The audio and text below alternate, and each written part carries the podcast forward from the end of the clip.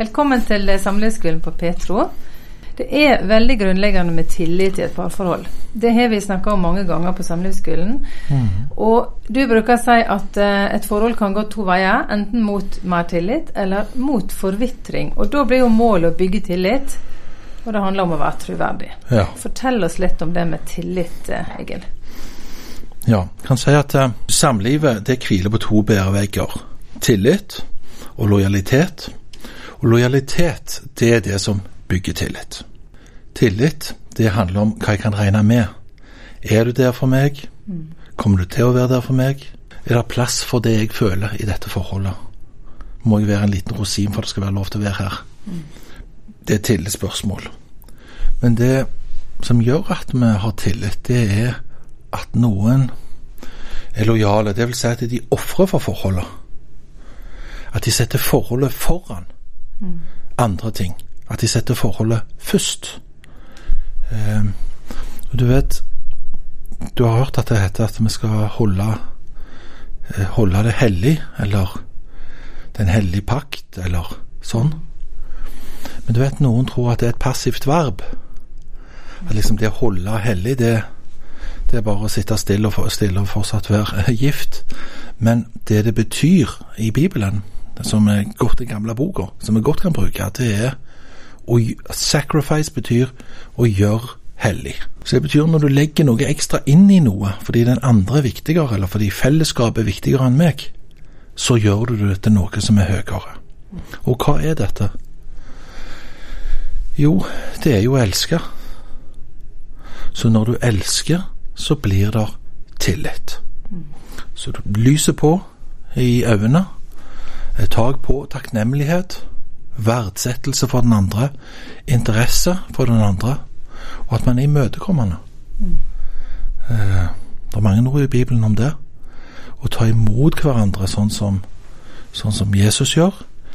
Og det må vi jo øve på å gjøre hjemme òg. Mm. Midt i livet. Å ta imot hverandre på en vennlig måte. Å være oppmerksomme på hverandre, være interesserte. Og vise at vi setter inderlig pris på hverandre. Så, når det går galt, når vi ikke eh, elsker, så kommer vi til det du sa, altså forvitring av forholdet. Mm. Og da, når vi får forvitring av forholdet, så risikerer vi svik eller bedrag. Ja, det er jo to ord som vi ofte sier som andrag, men det er to forskjellige ting, svik og bedrag.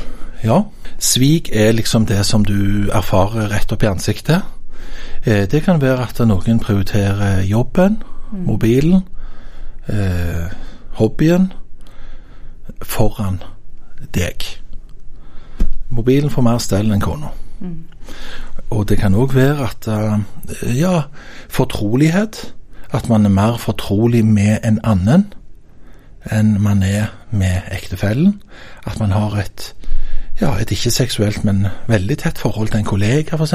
Mm. Men hovedregelen her er jo liksom det ektefellen min ikke bør se. Det er jo en liten sånn pekesnor på om det er ugreit. Eh, og så svik handler jo òg om lojalitet. Det kan være at uh, man er mer lojal mot sine foreldre enn mot ektefellen. Man liksom tar et annet lag. Og det siste jeg vil nevne, det er jo å nekte fortrolighet. At man stenger ektefellen ute fra ja, betroelse. At man Nei, jeg vil ikke snakke med deg, jeg vil ikke dele med deg, eller jeg vil ikke være nære med deg i ansiktet, men det forvitrer. Ja.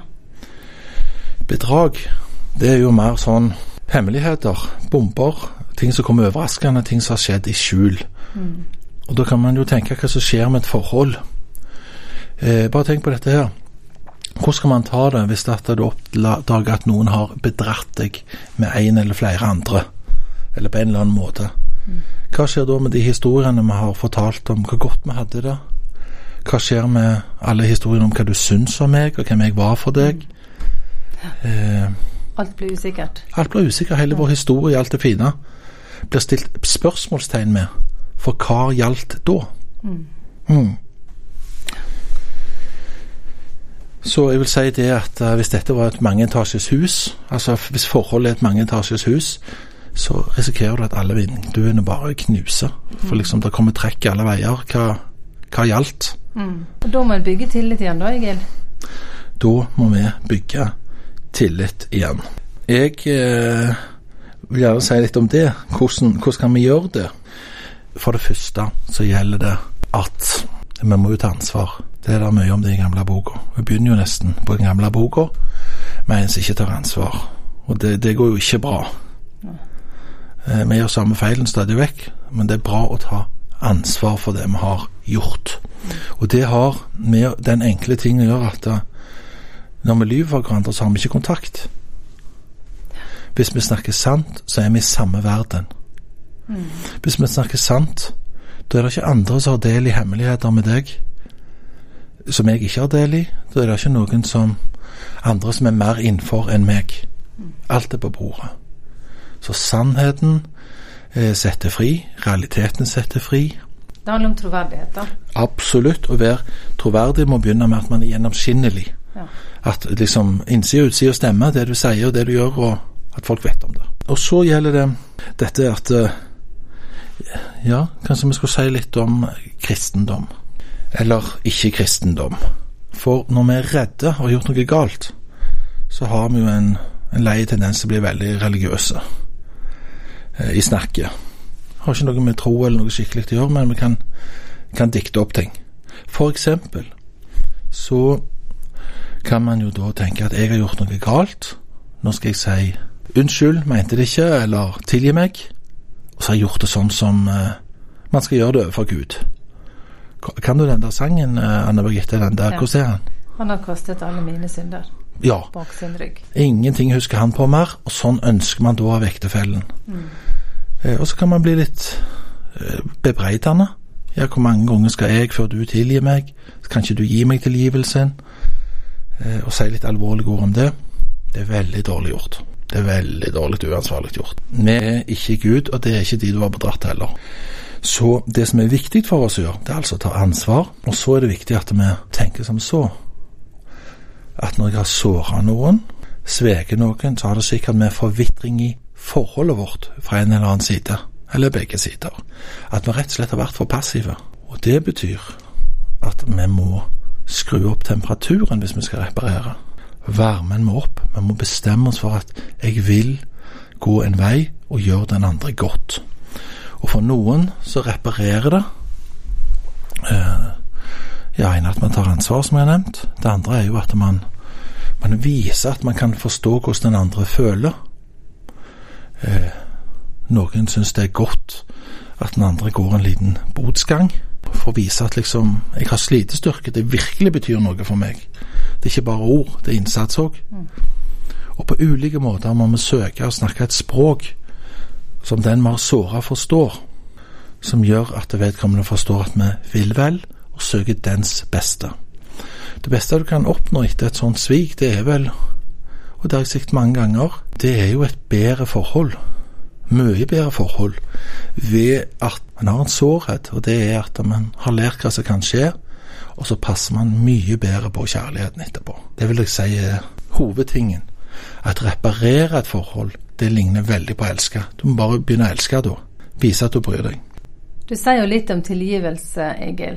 At eh, det er viktig at det ikke blir noe sånn lettvint. At nå må du tilgi meg og glemme dette her, så går vi videre. Men at en på en måte lever litt i det. Mm. Desmond Tutu sa å tilgi er å aldri glemme. Ja, det er umåtelig godt sagt. For har jeg såra noen, som jeg husker på at jeg er den som må passe på det såret. Jeg må ha omsorg for det såret. Omsorg for det det såret handler om. At jeg passer på å gjøre det greit for den andre. Når alt dette er sagt, når du gjør dette, når du har gjort noe galt, så er det òg bra å tilgi. Det er bra å gi slipp på. Det er bra å forsøke å gi slipp, ta valg om at man ikke skal bruke imot, mm. ikke kritisere, at ting skal få lov til å være oppgjort. Det er veldig bra i et forhold. Det er bare at begge de tingene må til. Ja, Det trenger ikke å være en motsetning. Ingen, sant. For å ha tiltro må man være troverdig. Mm. Det er de to tingene som står sammen. Ja. Ja, et ørlite konkret tips som er fra hverdagen min, det er at av og til så liksom Den samme frykten når vi har gjort noe galt, gjør at vi, Vi vil liksom ikke så vel ha medfølelse med den andre, eller man vil det skal gå vekk, eller begynne på nytt, eller nye stu, eller blanke ark. Så man tar litt lett på den andres smerte. Det er dumt. For den andre trenger virkelig en bekreftelse, en, en kvittering på at du har tatt det på alvor. Så noen ganger så foreslår jeg et veldig alvorlig grep. Og det er sånn, før du begynner å si unnskyld, si det var jeg som klippa av deg eh, alle tærne på høyrefoten. Én etter én. Og ta en pause, da. For da kjenner du at det er veldig ubehagelig å si. Det er veldig vondt å si. Men det minner deg på at den andre faktisk har vondt. Det er faktisk et sår du har påført. Det er ikke noe som kan strykes ut. Du må forholde deg til at det er faktisk noe som faktisk har skjedd. Og det hjelper en til innlevelse. Du har en historie om akkurat dette her, du Egil? Ja, for når du har gjort noe skikkelig galt, altså hva, Hvordan får du det til? Og Ikke at jeg skal si mye, men jeg har fått lov til å fortelle en jeg spurte om, som hadde bedratt kona si over lengre tid. Og de har det bra, har hatt det bra lenge. Men det jeg spurte han om, var hva er det som skal til? Hva er det du satser på? Og det han sier, det er at uh, han må leve med at hun har det vondt med det som skjedde, og at han er skurken som gjorde det. Men hver dag, eller han må hele tiden være hennes beste venn. Så det er han som trøster henne når hun forteller hva det vonde gjorde med henne. Skurk og bestevenn på samme tid. Skurk og bestevenn på samme tid. Det må vi tåle. Vi må tåle at vi har gjort andre urett, og så må vi elske likevel istedenfor å gå hjemme oss. Så det er jo veldig sterkt. Mm. Men så kan jo mange av de som òg da lytter på dette, tenke eh, du verden, altså hvordan skal det gå hvis jeg er ærlig med? Da blir jo alt verre. Så hvordan skal jeg holde ut de konsekvensene av å være oppriktig? Og det er jo et alvorlig spørsmål som jeg svarer litt lett og raskt på nå. Men i denne fortellingen så er det at uh, han holdt ut med å være det fordi han er glad i henne, men det hjalp han. Apropos å tilgi de som har gjort urett, mm. eller la de slippe til med kjærlighet. Så sier han ja, kona mi sender meg meldinger hver dag om at hun er glad i meg, og vi har mye tid sammen, og vi er opptatt av å se hverandre. Så han, han klarer å holde ut med det han sjøl har gjort fordi hun så tydelig viser at hun kommer han i møte og er glad i han. Mm. Det er noe å ta med. Det var det. Det var det. Oppsummert, Egil. Vær så god. Oppsummert så er det sånn at uh, vi lever enten på vei mot dypere tillit i forholdet, eller så er vi på vei mot forvitring, svik eller bedrag. Mm. Og har vi gjort noe galt, urett, så er det viktig å ta ansvar, men vi må være opptatt av å gjøre det gode for den andre. Vi må være den andres beste venn. Vi må orke å lytte til den smerten vi har påført den andre, og vise omsorg og kjærlighet for den andre. Og omfavne den vi har såra. Og prøve å åpne oss. Prøve å ta imot reparasjonsforsøkene fra de som har gjort oss urett. Prøve å våge å ta ting opp i beste mening, og se etter innsatsen fra den andre. Det er viktig.